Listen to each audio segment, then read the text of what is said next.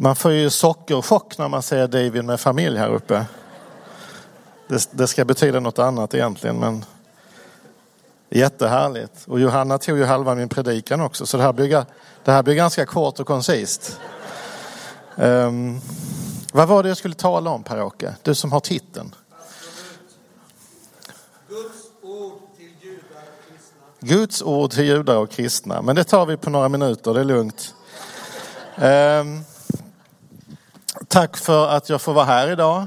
Ni är ju fantastiska vänner till oss, till mig, till mig och min familj, eh, till det judiska folket, till det judiska landet. Och ni står ju ständigt upp för det som är rätt och det som är sant. Och jag kan bara, som jag brukar säga varje gång jag är här, jag kan bara uttrycka min tacksamhet för att ni gör detta.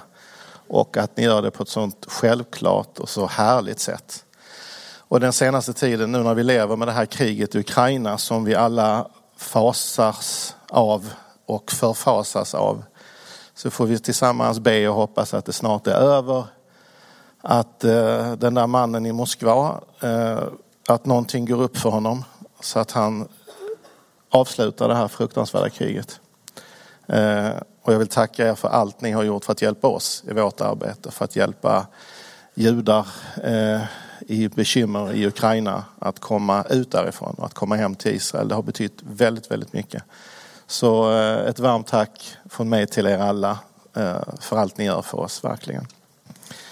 Ehm, jag ska tala om lite olika eh, saker idag. Jag, jag, Per-Åke bad mig om en titel. Jag gav en alldeles för lång titel så att jag fick korta av den. Men i verkligheten kommer jag att prata om ganska olika saker egentligen. Jag tänkte börja med att tala om något som jag har tänkt en del på, framförallt senaste tiden. Mörker och ljus Negativt och positivt, ont och gott. Eh, och hur man i vår tradition kan tänka kring detta. Det kanske har påverkats av det här kriget som vi ser också. Och jag ska dela en del tankar kring Gud och hans löften till det judiska folket. Vissa begrepp och ord som uttrycks i Bibeln som man kanske inte alltid tänker på eh, i relation mellan Gud och eh, det judiska folket. Och då kommer vi också att komma in på likheter, alltså hur vi har faktiskt samma uttryck, samma ord och samma koppling till Gud, vi judar och ni som är kristna. Så jag kommer in på det. Men om vi börjar med eh, det jag tänkte inleda med om mörker och ljus, om ont och gott, så har vi många exempel på hur de här motsatserna är nära varandra på olika sätt i Bibeln. Redan i början av Bibeln, i skapelseberättelsen, så läser vi ju alldeles i början att det, det står att det var mörker. Det står att det var mörker. Och mörkret är inte bara en avsaknad av ljus. Utan mörker är en skapelse i sig. Gud skapar mörkret och det finns och sen skapar han ljuset. Utan ljus, utan mörker inget ljus. Utan ljus inget mörker. Så det hänger ihop. Det är också en skapelse av Gud, mörkret. Lite senare i samma skapelseberättelse så läser vi på hebreiska står det Vajehi erev Vajehi boker och det var afton och det var morgon. Det vill säga Gud skapar, eh, dygnet börjar på kvällen. Och som ni kanske vet så börjar ju alla judiska helger på kvällen. Det börjar med att mörkret faller. Det börjar inte vid midnatt och det börjar inte på morgonen. Det börjar med att mörkret faller och sen kommer ljuset och sen kommer den nya dagen. Eh, lite senare i tolfte, Mose, i, tolfte Mosebok, i tolfte kapitlet i första Mosebok så läser vi om Abraham, mannen som sedan blir Abraham, en fader till många folk. Gud talar till honom, Abraham lyssnar, han tar det till sig, han lämnar sitt land, han lämnar sin familj. Eh, och det är ingen liten sak han gör, han flyr ju inte från någonting ont. Han flyr inte från förföljelse eller bekymmer, utan, för han levde ett gott liv, utan han lämnar för ett löfte. Ett löfte om någonting annat, om en familj, om ett land, om en framtid, om någonting gott. Eh, och I Bibeln så beskrivs ju Abraham, då står det att han är hebre. På hebreiska är ordet ivri. Och ivri, som ni, ni hör kopplingen ivri, hebre, eh, det betyder bokstavligen att gå över till andra sidan. Det Abraham gör är att han går från en sida till en annan. Han gör det fysiskt. Han lämnar ett land för det nya landet som Gud visar honom. Han går också över en flod från ett land till Kanans land, det som ska bli det judiska folkets hemland. Och han är ensam. Eh, han lämnar alldeles ensam med Sara, men de två är ensamma. Så att från mörker till ljus, från en sida till en annan. Även här hänger detta ihop, fysiskt och andligt. Lite senare så ser vi hur Jakobs söner flyr till Egypten på grund av hungersnöden. Och då står det i Bibeln att det var 70 personer. Eh, på hebreiska står det inte personer. Person, personer på hebreiska heter anashim. Men det står nefesh och ordet nefesh betyder själ. Så de är alltså 70 själar som går till Egypten. Men det intressanta är att Eh, det står nefesh som är singular. Det står inte i pluralform. Så de är 70 personer men det står som om de är 70 själ, alltså en. De är som ett. De 70 är som ett. Som en själ är de här 70.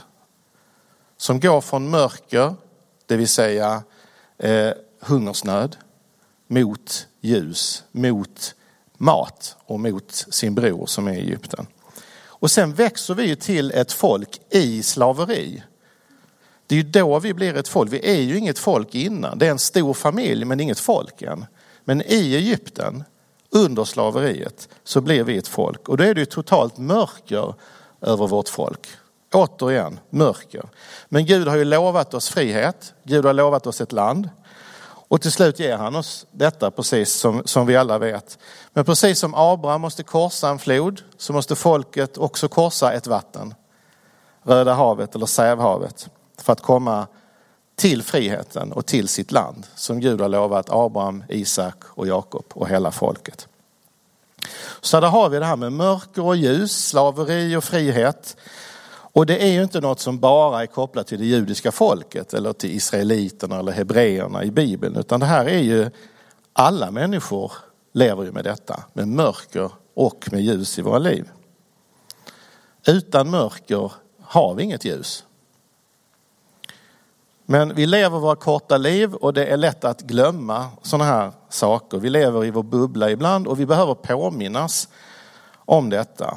För oss judar ska det ju inte vara så svårt. Vi har upplevt ganska mycket mörker. Eh, också väldigt mycket ljus naturligtvis. Men vi har verkligen upplevt allt detta genom historien. Eh, mörkret i form av de bibliska berättelserna som vi känner till.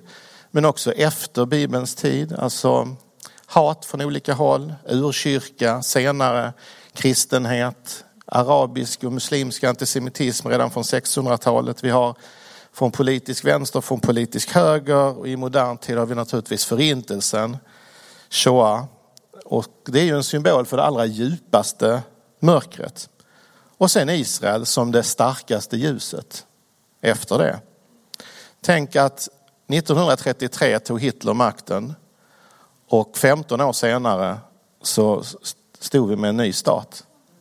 Det är alltså bara 15 år mellan det djupaste mörkret inleds till det starkaste ljuset lyser. Och från kristallnatten 1938 till Israels bildande är det mindre än tio år. Ehm. Så ett förslavat judiskt folk reste sig upp. Precis som israeliterna, som vårt folk gjorde i Egypten, så blev vi stridande israeler. Utan stöd från resten av världen. Ehm. Men man kanske inte behöver det när man har Gud på sin sida. Och det var sant för Abraham och det var sant för, för israeliterna, för folket i Egypten. Och det är sant idag också. Så från mörkaste djup, av, från djupaste mörker till, till starkaste ljus. Och det är något vi lever med till vardags också i, i judiskt liv. Om vi tittar på judiska helger till exempel och minnesdagar. I onsdags kväll så var det Jom HaSikaron som är en minnesdag för alla israeliska soldater och terroroffer som har fallit offer under de här åren sedan Israel bildades. Det moderna Israel. 24 068 soldater och 4 216 terroroffer. Det var det i onsdags kväll, nu är det fler. Ni som följer med i nyheterna vet. Eh, 120 stycken bara i år. Så det här är ju tusentals liv, tusentals världar som inte får några liv, inte får en framtid. Och sen i torsdags kväll, Yom Hatzmaut, då firar vi Israels självständighetsdag. Då är vi glada och då firar vi vårt land, vårt judiska hemland, vår frihet. Eh, alla, alla liv, alla löften och den framtid som Gud lovar oss. Så återigen eh, mörker och ljus. Och ni som känner mig och har hört mig tala förut, ni vet ju att eh, min mamma är överlevande efter förintelsen. Och bara titta på hennes liv så vet vi ju att när hon hade överlevt så hade alla i hennes familj förintats. Det fanns inte en människa kvar. Utom en morbror som åkte till Israel på 20-talet. Eh, en person lämnade en jättefamilj i Polen eh, och blev den enda familj mamma hade kvar. Så det var totalt mörker men det blev stort ljus av det hela så småningom. Landet Israel valde ju också att ta den här symbolen, Davidsstjärnan, som nazisterna gjorde till en symbol för lidande och död. Att sätta den till ett, en symbol för liv och hopp och framtid när man satte den symbolen på vår israeliska flagga. Så utifrån detta då med mörker och med ljus, hur ska vi se på Gud? För det här är väldigt allvarliga ord och det, all, det finns en allvarlig ton i det jag säger naturligtvis. Och det är lätt att tänka ganska negativt när vi tänker på det här. Men det är ju ändå ljuset som är det viktiga.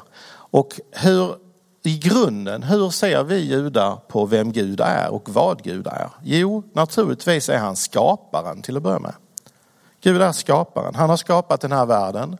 Han har skapat oss människor till sin avbild. Och redan där ser vi ju Guds godhet.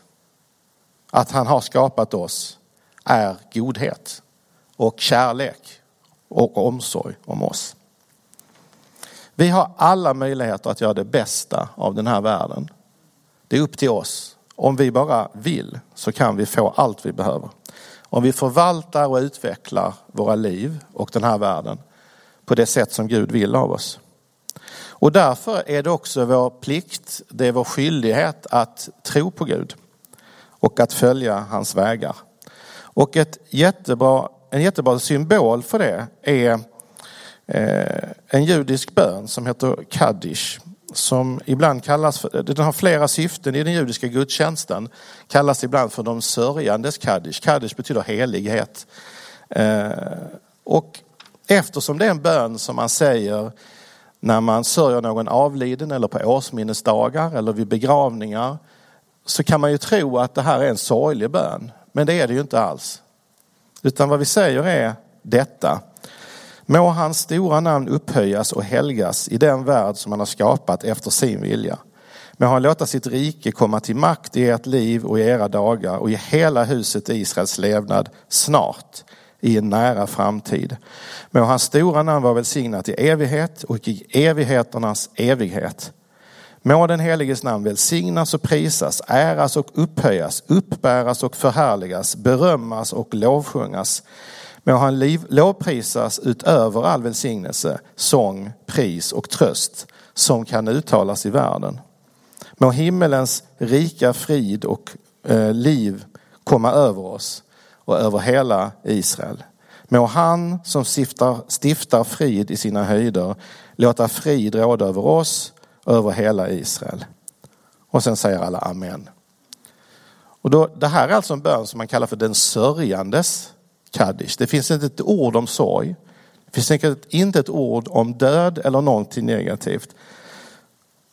Så att när jag talar om mörker och ljus så ska vi inte förledas till att tro att det här är att vi tänk, går omkring och tänker sorgligt och negativt.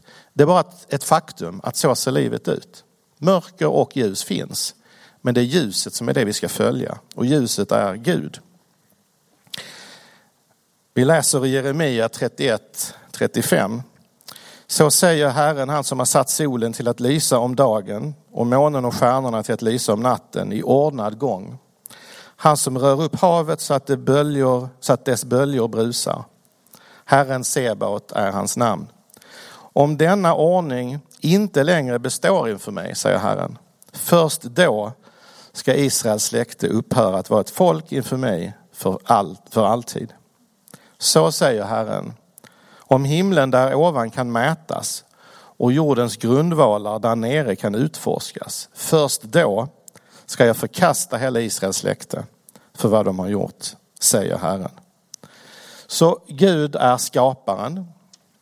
Eh, han är den som valde Abraham och hans efterkommande till att bli hans folk. Han välsignar också alla andra folk genom Abraham. Men relationen med det judiska folket är ju något unikt, något speciellt. Och det är något som inte Gud kan eller vill vara utan. Och inte vårt folk och inte hela världen kan eller ska vara utan detta. Och vad baserar sig det här förbundet på? Ja, det är egentligen ganska enkelt. Första Moseboken 15.6 står det Abraham trodde på Gud och Gud räknade det till honom som rättfärdighet. Av en ren händelse ordet chesed som Johanna nämnde innan. Rättfärdighet, ett väldigt starkt begrepp i vår judiska tradition. Så detta är den absoluta grunden och vi säger ibland att genom Abraham så fick också Gud en viloplats på jorden. Ett ganska vackert poetiskt sätt att uttrycka det på tycker jag. Så Abraham finns här på jorden. Han är ensam, men han tror på Guds löften. Han blir rikligt välsignad. Och efter lång tid har vi då fått vårt folk som har vuxit till eh, och de får komma till det land som Gud har lovat Abraham långt tidigare. Och här ser vi också något väldigt intressant som, som, man kan, som alla kanske inte riktigt ser. Jag tror att många kristna, både individer och församlingar, ser ju den speciella kallelsen som det judiska folket har. Eller jag hoppas det i alla fall. Och man ser att det finns ett förbund mellan Gud och vårt folk. Eh, men ibland förstår man inte riktigt kopplingen mellan folket och landet av någon märklig anledning. Det är svårt att förstå men eh, ibland är det ändå så. Och det är inte en slump att vi talar om Am Israel, folket Israel och Eretz Israel, landet Israel i en och samma mening.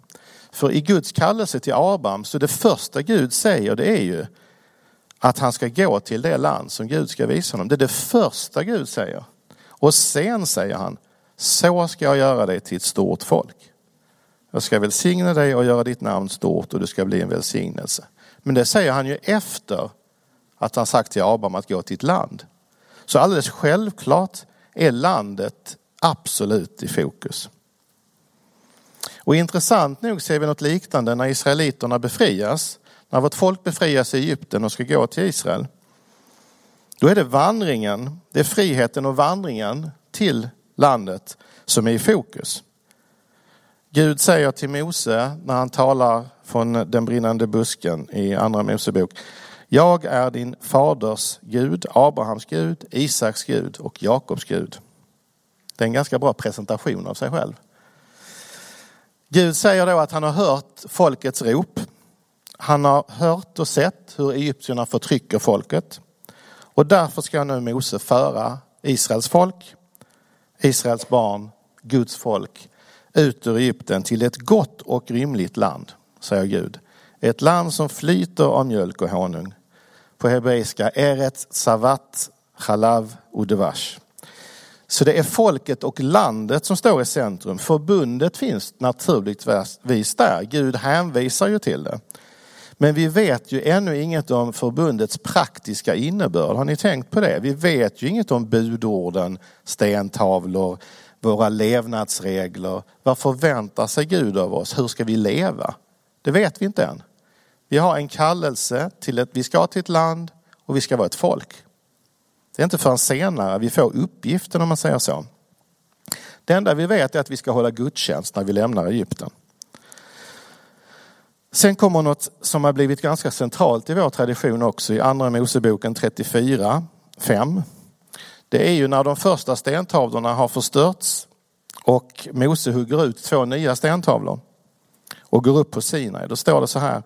Då steg Herren ner i ett moln Mose ställde sig nära honom och åkallade Herren. Och Herren gick förbi honom och ropade Herren, Herren är en barmhärtig och nådig Gud, sen till vrede och rik på kärlek och trofasthet.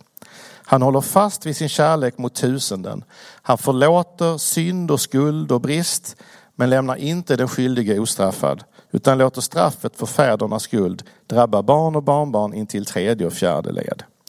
Det här är jätteintressanta verser och en del har väldigt svårt att få ihop det här med kärlek och, och, och omsorg och barmhärtighet och nåd med det här i slutet om straff. Men jag ska förklara hur det här hänger ihop. Så vi ser, Gud stiger ner. Mose håller sig nära, står det, och åkallar Gud. Så att Gud går ner till människan och är nära, men inte som vi är nära, för du kommer inte så nära Gud. Och Mose får ju inte se Gud. Mose måste åkalla honom och Gud kommer nära. Så de har ju en slags intimitet och de är nära, men inte som du och jag tänker oss nära. Men närmare kan man nog inte komma än Gud och Mose är vid det här tillfället. Gud proklamerar, berättar att han är en barmhärtig Gud, att han är en nådig Gud. Att han är rik på kärlek och trofasthet. Och ibland har ju då fortsättningen här med att synder, ehm, att straffet går vidare och så vidare. Det har ju av en del ersättningsteologer, kristna men också av andra, sett som exempel på det här med att Gud är hård det gamla testamentets Gud som är så hård och, och straffande och hemsk och sådär. Sådana verser, det finns ju flera sådana i Bibeln som har utnyttjats på ett ganska hemskt sätt. Men egentligen, om vi tänker oss hur vårt moderna, hur fungerar vårt moderna demokratiska system? Hur fungerar vårt rättssystem till vardags i vårt land?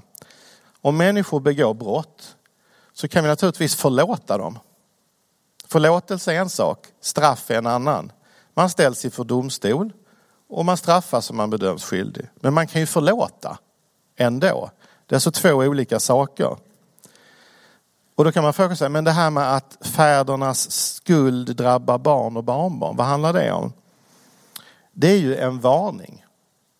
Därför att en person, man eller kvinna, som begår brott, som är kriminell, kommer i fängelse eller något liknande, knark eller andra problem, han åkallar ju något ont över sina barn och barnbarn. Det blir bara så. Vi vet ju, det är bara att titta på undersökningar, vilka sitter i svenska fängelser? Vad har de för bakgrund? Vad är det de har saknat i sina liv? Vad är det de har fått i sina liv? Till väldigt stor del har fäderna varit antingen frånvarande eller kriminella eller både och. Så fädernas gärningar straffa deras barn. Inte för att barnen blir straffade för vad barnen har gjort. Utan barn, föräldrarna eller fäderna i de flesta fall nedkallar detta över sina egna barn och sina efterkommande. Det är ett jättestort ansvar att vara förälder helt enkelt. Ehm, så det här är, barn drabbas av föräldrars synder kan man säga. Den Gud vi ser i Gamla Testamentet det är ju samma Gud som vi och ni har. Det är ingen skillnad. Det står efter de här verserna så står det så här. Mose föll genast på knä, böjde sig till jorden och bad. Han sa, om jag har din gunst, Herre, så gå mitt ibland oss, fastän detta är ett styvnackat folk, och förlåt vår skuld och vår synd och gör oss till din egendom. Och då säger Gud direkt, jag sluter nu ett förbund med er. Inför hela ditt folk ska jag göra sådana under som inte har utförts i något land eller något folk. Hela det folk som du tillhör ska se hur överväldigande den gärning är som jag, Herren, utför med dig. Läs det lite extra när ni kommer hem. Det är otroligt starka ord. Jättestarkt är det här. Därför att Mose vet ju då att folket har syndat. Han använder det här begreppet styvnackat också. Och vad säger Gud? Han ignorerar det Mose säger. Mose ber om förlåtelse. Mose säger, jag ber om förlåtelse. Snälla Gud, ta dig an ditt folk, håll fast vid ditt förbund. Och Gud, för Gud är det här självklart. Han behöver inte det, utan han säger omedelbart att han sluter ett förbund. Han behöver bara höra Mose säga detta. Så allt klappat och klart. Och, och förbundet lever vidare. Och det ska ske stora mirakel, säger Gud. Och varför, vad är det som är så viktigt med detta? Vi har ju redan sett otroliga mirakel.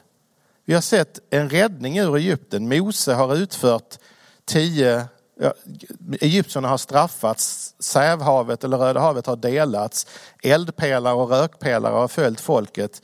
Vi har sett otroliga under och Gud säger att du ska, jag ska göra sådana under som inte utförs i något land eller något folk. Alltså ännu mer ska komma. Det är otroligt starkt. Och sen ser vi då hur eh, vi intar landet och faktiskt eh, förstår då till slut att folket och landet hör ihop och är ett. Och nu är det äntligen klart. Äntligen, efter alla dessa år, blir det klart. Och så lever vi nu i en tid när detta finns igen. Det här fullkomnandet av förbundet, av löftena, att landet och folket hör ihop, att vi ska leva i vårt eget land. det här kan, det, vi kan inte underskatta detta, att vi var utan detta land i 2000 år. Och nu håller verkligen Gud sina löften och sitt förbund och vi ser det komma till liv igen. Det är en enorm förmån och, och välsignelse att vi får leva den här tiden. Jag ska beröra lite grann om det avsnitt som vi läste i synagogan igår. Eh, som också har koppling till detta faktiskt. Som är ganska spännande. Eh, och det är tredje Mosebok kapitel 19 och 20. Och det avsnittet kallas för Kedoshim på hebreiska, eller de heliga. Och det intressanta är att hela tredje Mosebok fram till de här kapitlen har handlat egentligen om offer, om renhet, om tabernaklet, om prästerskapet. Det har handlat om en helig plats, Eh, heliga offer och det heliga prästerskapet. Det är det vi har läst om i början av tredje Mosebok. Men nu öppnar det för hela folket. Det är väldigt intressant. För i början så står det, Gud säger till Mose, tala till hela Israels folk. Ni ska vara heliga, för jag, Herren er Gud, är helig. Och det är första gången i tredje Moseboken som Gud, ska man säga, är så inkluderande. Att nu är alla heliga. Det är inte ett heligt prästerskap som har ansvar för olika saker. Utan hela folket ska vara heligt. Och läser vi fortsättningen så ser vi att den här heligheten, den ska avspegla sig i det mesta vi gör i tillvaron. Det är inte bara ord, utan det är hur vi gör saker ska avspegla vår helighet. Det är hur vi planterar i landet, det är hur vi gör våra kläder, hur vi odlar, hur vi skipar rättvisa. Hur man eh, har, gör affärer, hur man betalar arbetar, folk som arbetar för dig. Hur de svaga i samhället ska få särskilt skydd, särskild omsorg. Att samhället ska styras med kärlek. Utan hämnd och inga negativa känslor. Men Gud är samtidigt tydlig med vad som är rätt och vad som är fel. Så man kan säga att i de här kapitlen så eh, tillhör heligheten alla, hela folket. Eh, nu var inte det här någonting nytt i sig. Därför att en bok tidigare, Andra Mosebok 19, säger Gud att om vi hör hans röst och håller förbundet ska vi vara hans skatt bland andra folk. Vi ska vara ett rike av präster och ett heligt folk. Det har Gud sagt redan tidigare. Och egentligen kan man säga att redan när vi skapar till hans avbild har ju alla människor en helighet i sig. Men det är ändå någonting nytt när det här sägs i tredje Mosebok. För vi får någonting unikt. Vi får en kärlek, en omsorg, en nåd, en barmhärtighet. Men vi måste också hålla oss till vissa regler. Vi måste göra rätt på rätt sätt i samhället. Och det här är ju något vi strävar efter idag. Det bibliska budskapet är vad vi strävar efter idag, även om folk inte vet det. Eh, alltså, vi, vi vill ju se människors unika värde. Alla människor är unika, alla har ett värde, alla ska ha rätt till mänskliga rättigheter. Alltså det här är ju saker som FN beslöt sådär några tusen år efter att det stod i Bibeln. Att, och som vi i alla samhällen, i alla demokratiska västsamhällen i alla fall, är det precis detta vi vill. Det är så vi vill att samhällen ska se ut. Jag säger inte att på Bibelns tid så var det demokrati och mänskliga rättigheter och allt var fantastiskt. Men fröet såddes då på hur vi ska vara som människor. Hur vi ska vara mot varandra och hur vi ska bygga vårt samhälle. Sen handlar inte, om vi läser, ni kan läsa när ni kommer hem, men om, ni, om vi läser de här kapitlen så ser det ut som att allt ska vara lika, rikedom ska fördelas lika och, och makt ska delas lika. Men judendomen är inte kommunism och judendomen är inte anarki. Det är inte riktigt så det menas. Därför att arméer behöver befälhavare, orkestrar behöver dirigenter och församlingar behöver präster och ledare och pastorer och våra församlingar behöver rabbiner. Det är inte så att alla är lika exakt. Men alla har ett lika värde. Och det handlar om värdighet, att vi är lika medborgare eh, i den nation vi lever i. Så här beskrivs faktiskt hur en infrastruktur kan se ut, både ekonomiskt och politiskt på något intressant sätt. Så det är intressant, men sen blir det ännu mer intressant om vi tittar på efter biblisk tid. För vad händer sedan, efter den bibliska eran, när templet är förstört? Det första templet och andra templet har förstörts. Vad händer då? Då har vi förlorat det man kan kalla för vår heliga infrastruktur. Om vi kallar templet och prästerskapet och offren för ett slags eh, helig infrastruktur, då förvandlar vi den här heliga tjänsten, eller avodah som det heter på hebreiska, till att gå in i vardagslivet för oss judar. Det blir en del av vårt vardagsliv. Alltså i bönen så blir ju vi, varje jude blir en slags egen präst i egen eh, person. Istället för offer i templet så ber vi. Och istället för försoningsdagen som det var på templets tid så ber vi enskilt för både oss själva och för alla, för hela vårt folk och förlåtelse för våra synder.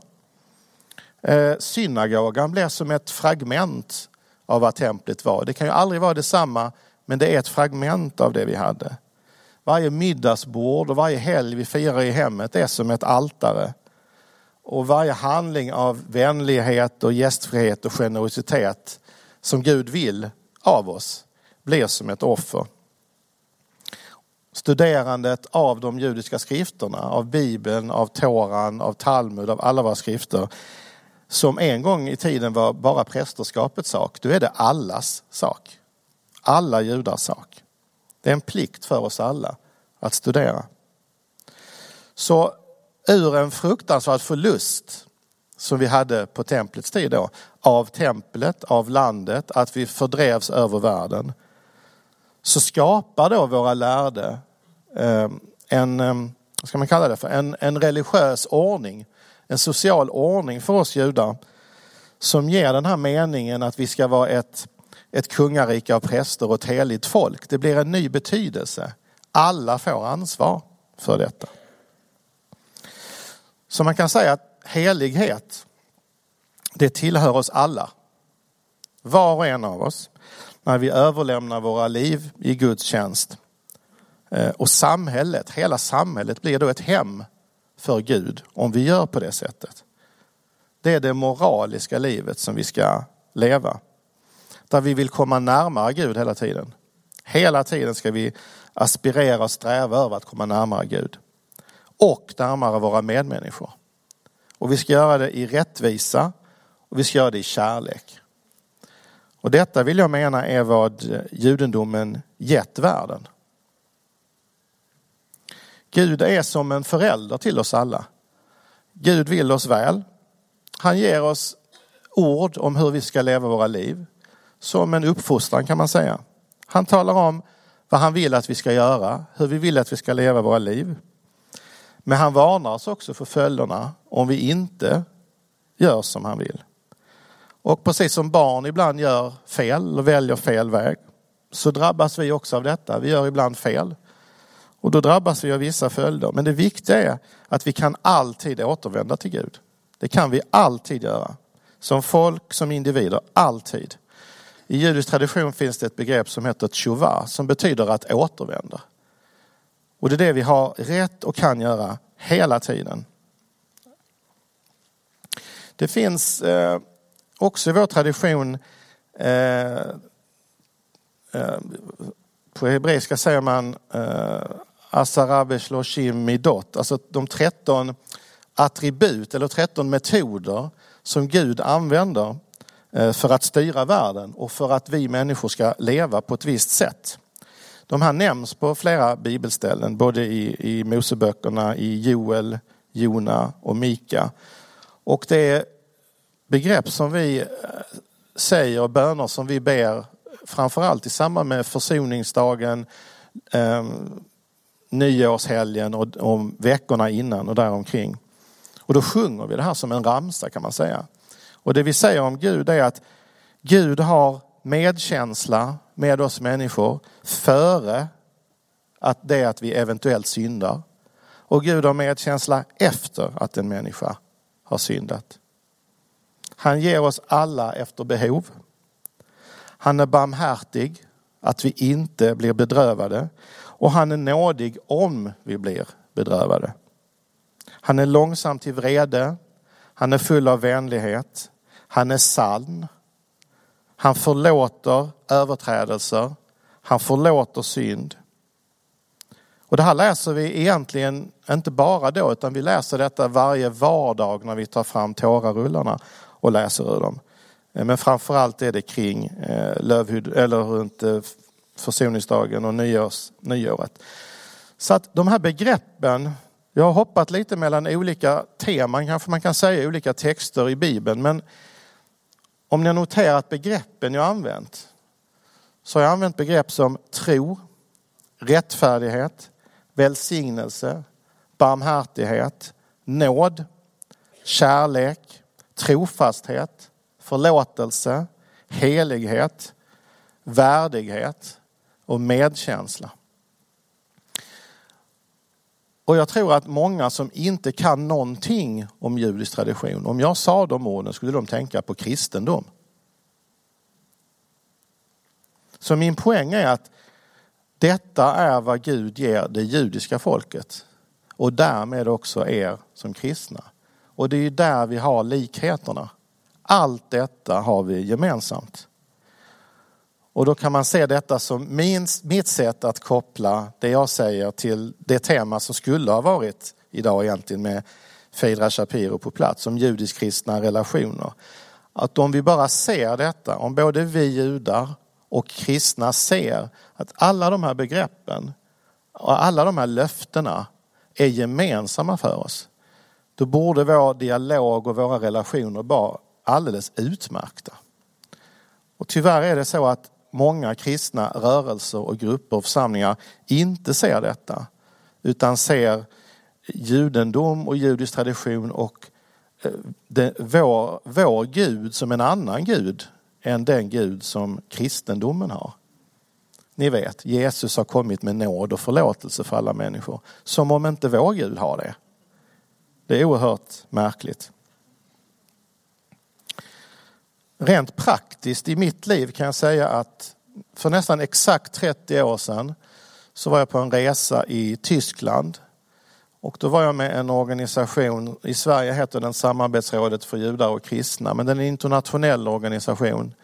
International Council of Christian and Jews. Och då var jag 30 år yngre så att jag var alltså med i, i ungdomsgruppen där.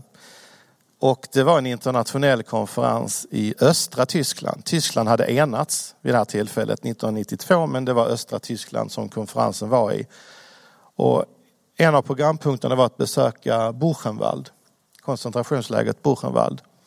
Och jag hade aldrig varit i något koncentrationsläger och jag hade faktiskt aldrig haft någon önskan eller något intresse av det heller. Utan det här var en del av programmet.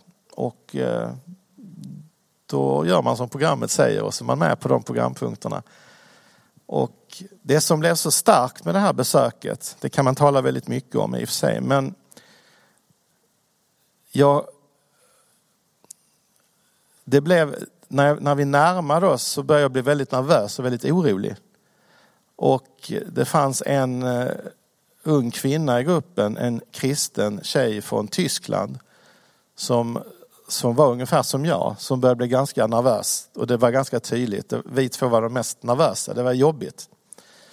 Och vi började prata. Det visade sig att hon heter Angelica och hennes pappa hade varit soldat i tyska armén. Eh, men hon visste inte vad han hade gjort. Allt var hysch-hysch i familjen. Man pratade inte om det. Vilket betyder att hon trodde det värsta. Apropå att barn kan straffas för fäders gärningar. Hon mådde jättedåligt. Eh, men vår gemensamma tro på Gud och det jag precis har talat om gjorde att vi hade fantastiska samtal i bussen på väg dit. Vi kunde trösta varandra och stötta varandra. Och jag kunde säga till henne att oavsett vad din pappa har gjort eller inte gjort så är det ingenting du har något som helst ansvar för, skuld för eller ska behöva tänka illa om. Utan du är du, han var han och du måste leva ditt liv. Och du lever på rätt sätt och då blir allt bra. Och jag försökte stötta henne och hon stöttade mig. Eh, så vi gick där bredvid varandra utan särskilt många ord. Men vi gick bredvid varandra när vi gick i Buchenwald som var en väldigt märklig upplevelse i sig. Men det jag vill komma fram till är att har vi den här gemensamma grunden i hur vi ser på vår tro, vår tradition, Guds budskap till oss som individer och som människor så möts vi också vid sådana här tillfällen på ett sätt så att vi kan stötta varandra och göra något väldigt gott för varandra. Och har vi inte den gemensamma grunden, då kan vi inte vara det. Då kan vi inte vara det för varandra. Så jag är jätteglad att få stå hos er, just hos er som är en församling som verkligen står för samma tro på Gud. Samma syn på vad Gud är och vad Gud betyder och ska betyda för oss människor. Att Gud är en Gud som ger oss ofantligt mycket men inte kravlöst.